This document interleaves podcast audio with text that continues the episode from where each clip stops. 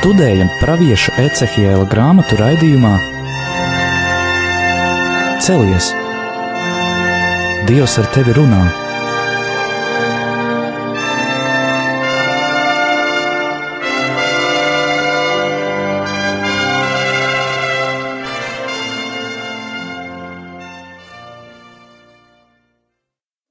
Slavēts Jēzus Kristus. Mūžīgi mūžos slavēts Studijā atkal ir Stela, un Anģela.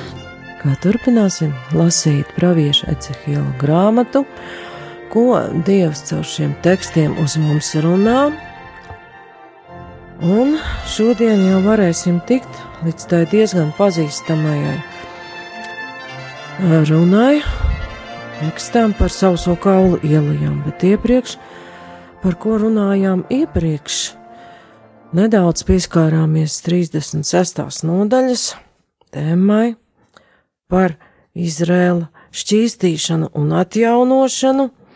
Redzējām tos divus pasludinājumus, 35. un 36. nodaļā, ka viens ir ā, pret, kas ir kā barga tiesa, bet par Izrēla kalnāju tā tad lēmums jau ir bijis, tiesa notikusi, un tā ir notikusi ar nolūku šos cilvēkus šķīstīt un atjaunot. Un jau iepriekšējā reizē minēju, ka šajā pravieša Ecihila grāmatā ir jau ieslēpts pasludinājums par jaunās derības laiku, kaut gan te viņš nav tik ļoti tieši, bet tas teksts ir kopā ar vēl vienu citu tekstu no pravieša Jeremija grāmatas. Tad, tā tad pravietis Jeremija jau paskaidro tuvāk, ko tad Ecehēls ir gribējis ar to visu pateikt. Tad šīs 36. nodaļas centrā, kuru mēs nedaudz skatījām pagājušā reizē, nonāk jau cilvēka sirds, gars, Un, ja mēs zinām jau jauno derību, tad saprotam, ka no sirds jau viss iziet. Un ko tad Ecihēls runā, kad viņam vārds ir blakus, vārds ir kopā ar viņu? 36, 26 mēs varam lasīt: Es jums piešķiršu jaunu sirdi un jaunu garu. Es izņemšu no jūsu krūtīm akmens sirdi un ielikšu jums miesas sirdi. Es jums došu savu garu un jūs vadīšu, ka jūs staigāsit manos likumos un sargāsit un pildīsit manas tiesas.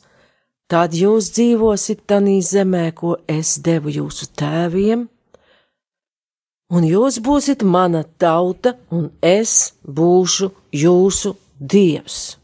Šis izteikums ir svētajos rakstos labi pazīstamā derības formula. Dievs noslēdz derību ar savu tautu. Un ko tad mēs tur redzējām jau? Jaunas sirds un jauns gars. Izņemšu no jūsu krūtīm akmens sirdi, ielikšu miesas sirdi. Mēs varam atcerēties, kā tad bija ar likumu iepriekš. Mūzus nonesa to no Sināja kalna, un kur tad tas bija? Tas bija iekalts akmenī, vēl lasāms, atgādināms, kā mazam bērnam tev būs, un tev nebūs. Var teikt, pat bargas pavēles forma, un ja mēs lasīsim Toru, piecas mūzus grāmatas, mēs atradīsim, jau sākot ar izceļošanas grāmatu, īpaši Levītu grāmatā, ka bez desmit baušļiem likums satur arī veselu rindu biedinājumu un sodu aprakstu, kas cilvēkam notiek, ja viņš nedara. Cilvēciskā valodā mēs redzam dievu pedagoģiju, ko tad, nu, pēc Eiropas cilvēku tiesībām laikam tā nedrīkst, bet agrāk jau, ja bērns dara nepareizi, ja viņš ir brīdināts, ka tas ir nepareizi un tomēr neklaus, nu, vecāki deva ar žāgaru vai siksnu. Nu, jaunā, nākot jaunās derības laikam, un pie Cehēla jau mēs redzam, ka šī ļoti cietā likumu sēta un tā siksnas pedagoģija vairs nebūs, ka cilvēks vēlēsies pats pildīt dieva likumu, jo viņš to būs ieņēmis iekšā savā sirdī. Un pravietis Jeremija raksta par šo laiku. 31. nodaļa un 31. pants, kā visi eksiģēti saka, tas ir jāzina nakts laikā, pieceļoties no gultas, un pēkšņi tā ir vienīgā vieta vecajā derībā, kuri minēta jaunā derība. Un ar praviešu Jeremijas muti Dievs mums saka: Redzi, nāks dienas, saka tas kungs, kad es slēgšu jaunu derību ar Izraēla namu un ar Jūdas namu. Un pie Ecehila tālāk jau 37. nodaļā pēc apraksta pa sausajiem kauliem mēs arī redzēsim, ka Dievs jau pasludina šo divu karalistu apvienošanos, kad naidīgas tautas kļūst par vienu. Un ko tālāk saka Jeremijs? Ne tādu derību, kādu es citkārt slēdzu ar jūsu tēviem, kad es tos ņēmu pie rokas un izvedu no Eģiptes zemes. Šo derību tie ir pārkāpuši, kaut gan man bija noteikšana par tiem, tā saka tas kungs. Nē, šāda būs derība, ko es slēgšu ar Izraēla namu pēc šīm dienām. Tā saka tas kungs, es iedēstīšu savu bauslību viņos pašos, es to rakstīšu viņu sirdīs, un es būšu viņu dievs, un tie būs mana tauta.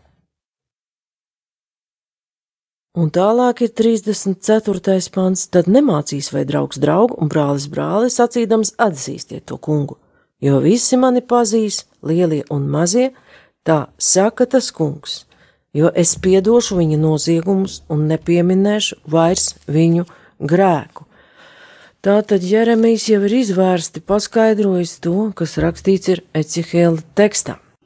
Nu, arī varam uh, lasīt Dievu vārdu pirmajā vēstule korintiešiem.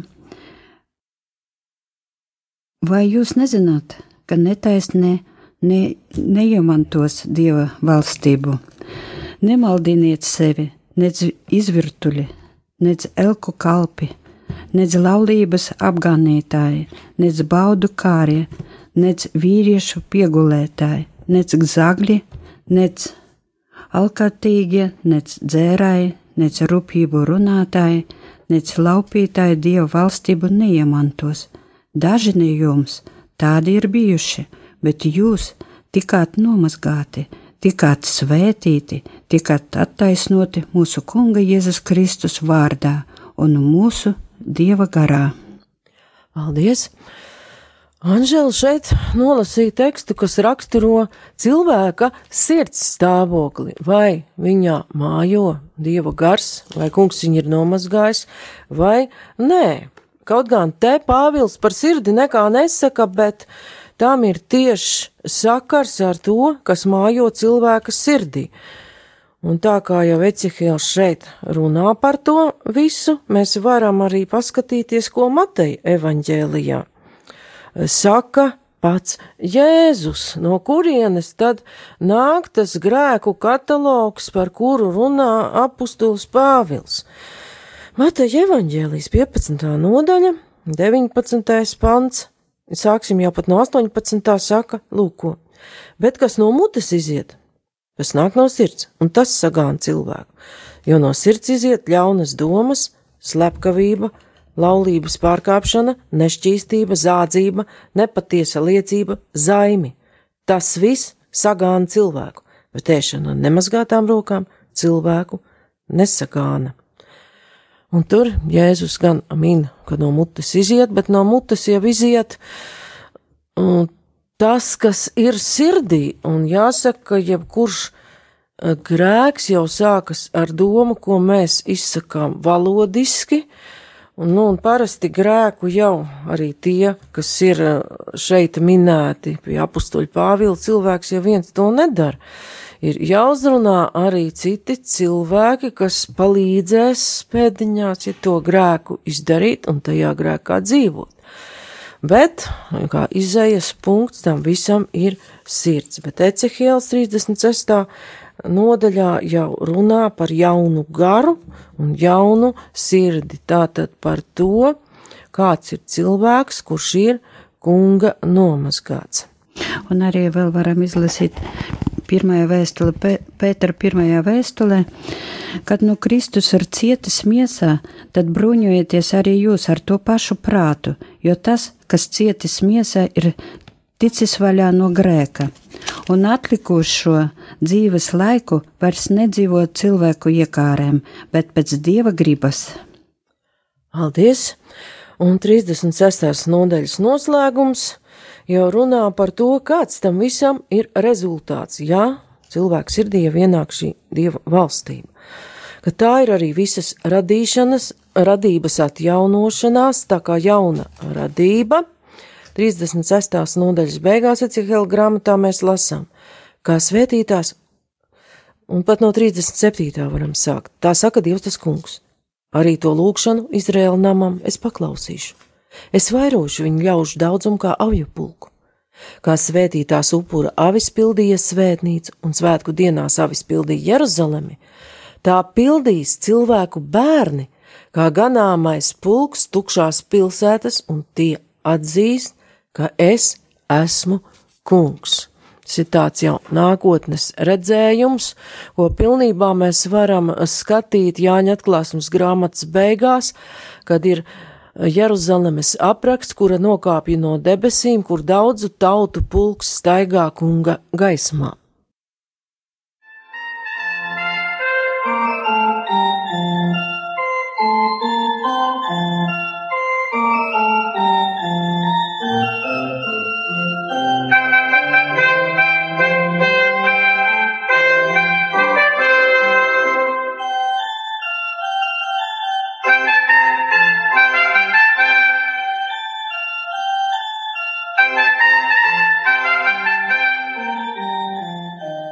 Tagad jau varam pievērsties 37. nodaļai. Nu, tā var teikt, raksturo situāciju, kāda ir pirms šīs atjaunošanas. Un te ir pat kunga roka nāca, bija uz, acīm redzot, kā krieviski ir, kunga roka nāca par mani. Tur ir 37. nodaļa. Была на мне рука Господа. Un kā kaut krieviski ir, citādi, un šķiet, ka atkal krievu valodā būs precīzāk. Jo, nu, kunga roka nāca par mani, nu, kur uz kurienes viņa no kaut kurienes nāca un gāja, bet tur kunga roka ir uz praviešu. Teikt, tā ir kā gan brīdinoša, gan svētījoša roka. Roka ir uz Ecihēla un dod viņam spēku runāt šos vārdus, kas viņam būs jāsludina tālāk, un arī skatīt šo vīziju, jo viņš tiek garā aizvests. Jā, un krieviski, ja Господь вывел меня духом. Atkal ir drusciņ savādāk. Tas ir vēlreiz tas vārds. И Господь вывел меня духом. Teikt, izveda garā. Te ir aizveda, tur izveda, tā tad izveda uz kādu citu vietu, uz ieleju, kas ir pilna ar miroņu kauliem. Un kungs ļauj skatīt visu šo lielo pulku, jo redzam, ka pravietis Ecihēls garā tiek vadāts pa visu šo ļoti lielo lauku, un tie ir ļoti daudz, un tie bija pavisam izkaltuši. Nu, aina ļoti nepievilcīga, izkaltuši miroņu kauli, tā tad tur ir bijis kāds kaujas lauks, ir kāds nelaimes lielas stihiskas notikums bijis, un šie kauli tur tā arī ir palikuši. Šie cilvēki nav apbedīti, neviens viņus nav cienīgi apbedījis, viņi tur ir gulējuši, un palikuši tikai kauli, sažuvuši kauli, tā tad arī nu zvēri ir pastrādājuši un dabas un nekā tur nav. Bet ko mēs varam redzēt? Ka tie kauli nekur nav tā. Arī apakšā nekāds kultūras slānis arī virs viņiem nav. Viņi ir seni, bet te pašā laikā viņi guļ zemes virspusē, tādi, kādi nu ir. Un trešais pants ir tāds, ko Dievs arī dažkārt uzdod šodien katrā mums ļoti neiespējamās situācijās, kad ir jautājums, vai tas ir iespējams. Un Dievs provocē pravieti Cihiela cilvēka bērns, vai šie kauli var kļūt atkal dzīvi. Un tā arī šodien varam saprast, ka šis pats jautājums ir pārfrāzējams citādi. Padomju laikā varbūt cilvēkam Dievs uzdev jautājumu, vai šī vara vairs sabrukt un varēs atkal brīvi sludināt Dievu vārdu? Šodien mēs varam saņemt sirdī jautājumu, vai patērniecībā iekritusi un rījībā prātu zaudējusi Eiropa atkal var atgriezties pie Dieva un pildīt viņa likumus, jo visi dažkārt ļoti labi pēdušie cilvēki ar lielu bankas kontu, un arī šis pārticīgās valstis, kurus tik mežonīgi apskaužam, ir tā pati sausā kaulu ieleja, pa kuru staigā Ecehils, un ir šis jautājums, vai tas var tapt dzīvs? Nu, loģiski domājot, ir entropijas likums, tas ir sabrucis, beigts un pagalam, nekas dzīvs tur diez vai būs. Pat labāk skatoties uz to, kas notiek pasaulē, kādas ir klimata izmaiņas, kādi izskatās ūdeņi, kurus mēs dažkārt nevaram vairs iet peldēt. Kaut vai palasot pieejamos datus, cik liels ir bruņošanās budžets varanajām lielvalstīm, cik liels ir iznīcinošu ieroču potenciāls, nu, pēc cilvēciskas loģikas beigts pagalam, un tas ir lielāka vai mazāka laika jautājums. Nu, tāda ir laicīga atbilde, un, nu, pēc cilvēka loģikas Ecihēlam it kā vajadzēja atbildēt, tas taču ir beigts pagalam, tur nav Tu nekā. taču redzi. Tur tu taču redzi, tas nav augšām ceļams. Bet pravietis Ecihēls ir tik ļoti saradojies un saplūdis ar kunga vārdu, jo katrā nodaļā mēs redzam, kunga vārds bija kā ņēbela slova, ja, ka viņš atbild savādāk. Viņš saka, es atbildēju, kungs, mans dievs, tu to zini. Ecehils bezcerīgo situāciju nodot kunga rokās, un kā jaunā derībā mēs varam to pazīstamo izteicienu lasīt, uz kuru reizēm arī spūras gaisā, man arī starp citu, dievam visas lietas ir iespējams, un tad tas jautājums ir vai nav, un kādos gadījumos. Pravietis, cim redzot, domā, ka ir iespējams, kaut pat ja viņam ir kāds šaubas, viņš arī savas šaubas nodod dieva rokās.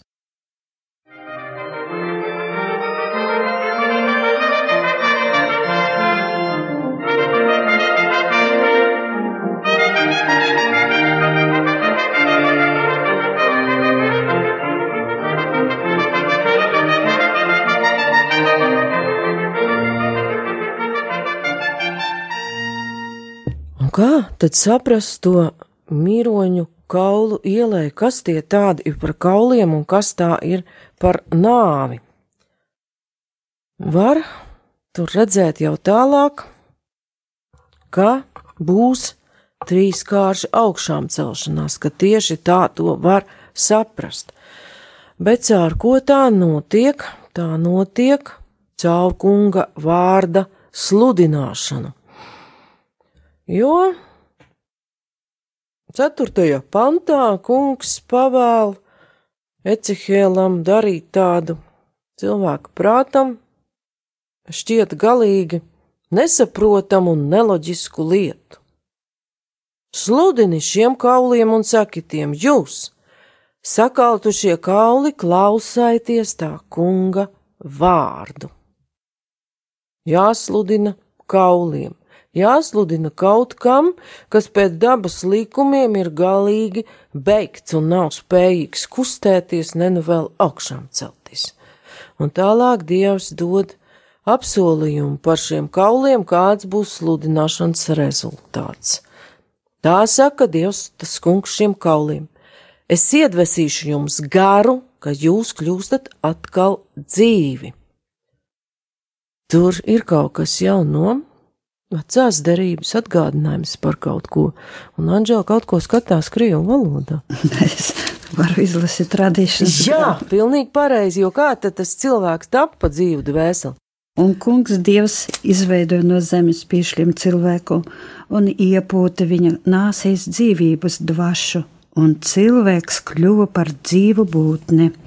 Tas ir radīšanas grāmata, otrā nodaļa. Jā. Jā, tā ir otrā nodaļa. Pilnīgi pareizi. Paldies!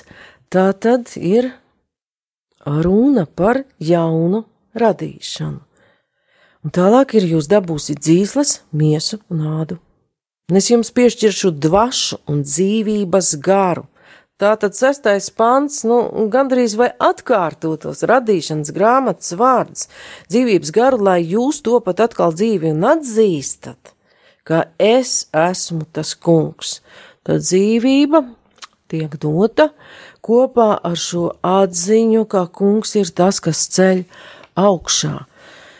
Nu, un var saskatīt, kā jau minēju, tādu trīskāršu augšām celšanās. Mēs to varam saprast garīgā nozīmē, dvēseles augšām celšanās no grēka, nāves uz svētu dzīvi ko paveic Kristus vārds un viņa dāvātā dzīvība. Jēzus par Jēzu un viņa dāvāto dzīvību mēs Jāņa evaņģēlijā varam lasīt 5. nodaļā, 24, 25.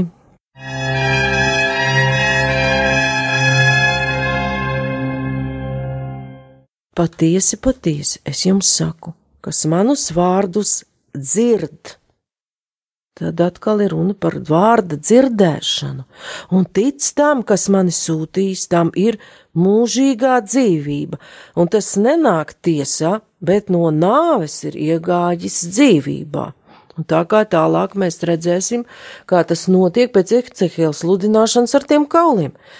Patiesi, patiesi, es jums saku, nāk stunda, un viņa ir jau klāt, ka mirušie dzirdēs Dieva dēla balsi, un kas būs dzirdējuši, dzīvos. Tā tad dzīvības vārds, kas dod, mai, dod dzīvības maizi, un Jēzus citā vietā arī saka, ka viņš pats ir dzīvības maize, un sestā nodaļā jau mēs varam lasīt arī par daudzu, daudzu cilvēku paēdināšanu. Un arī mēs varētu izlasīt Dievu vārdu par Lācara atdzīvināšanu. Tad Jēzus vēl aizvien aizgrābts nāk uz kapu, tā bija ala, kurā kurai priekšā bija nolikts akmens. Jēzus sacīja: Noceliet akmeni, Marta, mirušā māsa, viņam sacīja: Kungs, viņš jau ož, jo ir jau ceturtā diena. Jēzus viņai sacīja: Vai es neteicu tev, ja tu ticēsi, tu redzēsi dieva godību.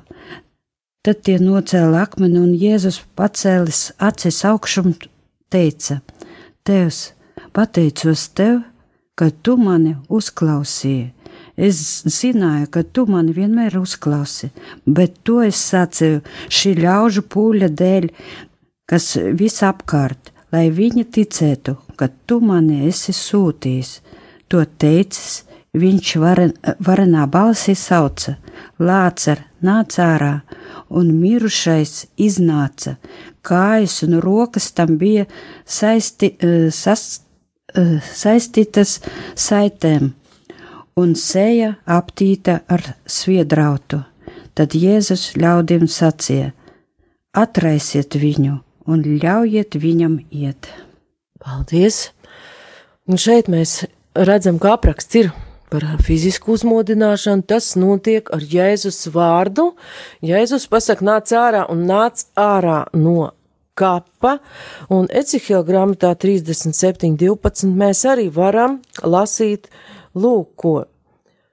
Tādēļ sludini un saki tiem, tā saka Dievs tas kungs, redzi, es atvēršu jūsu kapus un izvedīšu jūs, mana tauta, no jūsu kapiem un aizvedīšu jūs atpakaļ Izrēla zemē.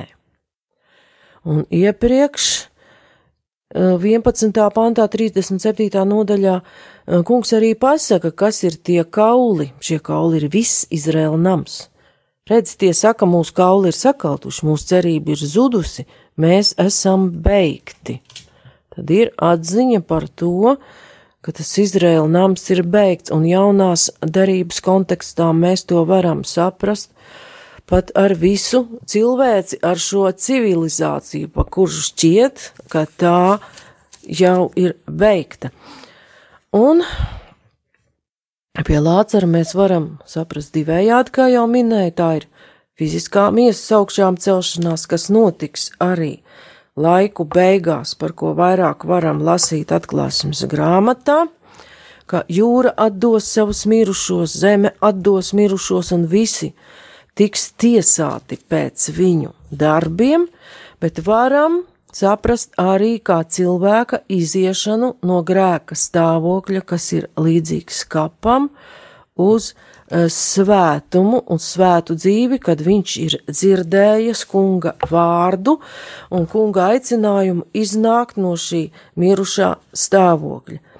Vēl šo var saprast kā baznīcas atzimšana no cietoša stāvokļa pat tāda stāvokļa, kas nav tālu no tās uh, Babilonas apraksta uh, Jāņa atklāsmes grāmatā uz atjaunošanos un uh, svētuma stāvokli.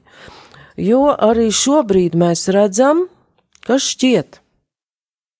Baznīca ir teikt, katastrofiskā stāvoklī. Katru dienu ir informācija par vai nu finanšu skandāliem, vai izmantošanas skandāliem. Ir milzīga pretestība arī pret, pret pāvesta autoritāti, kas, kas tad īsti tur notiek.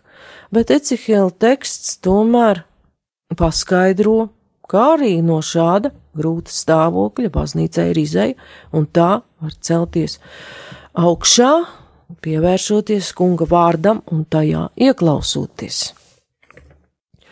Nu, un tas trešais ir moments tiešām augšām celšanās laiku beigās, ko es jau minēju, kas vairāk ir aprakstīti Jāņa atklāsums grāmatā, kad mēs iemantosim šo apskaidroto miesu, kāda augšām celās arī pats Kristus, bet nākamajā reizē jau mēs lasīsim Tālāk, ko tad nozīmē tās divas vēstas, un mēģināsim jau pievērsties nākamajai nodaļai un, saprast, kas tad ir tas goks, kas iebrūk Izraēlas zemē, un kāds ir Dieva eh, spriedums šiem, šiem iebrucējiem.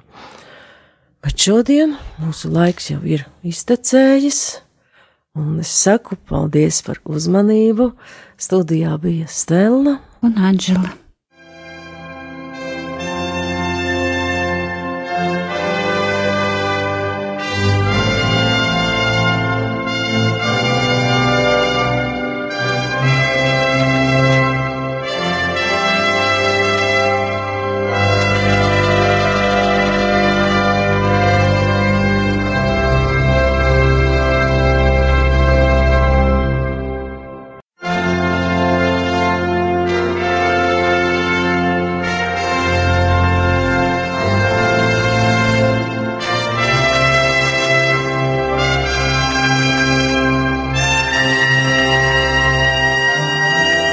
Izskanēja raidījums Celies! Dievs ar tevi runā!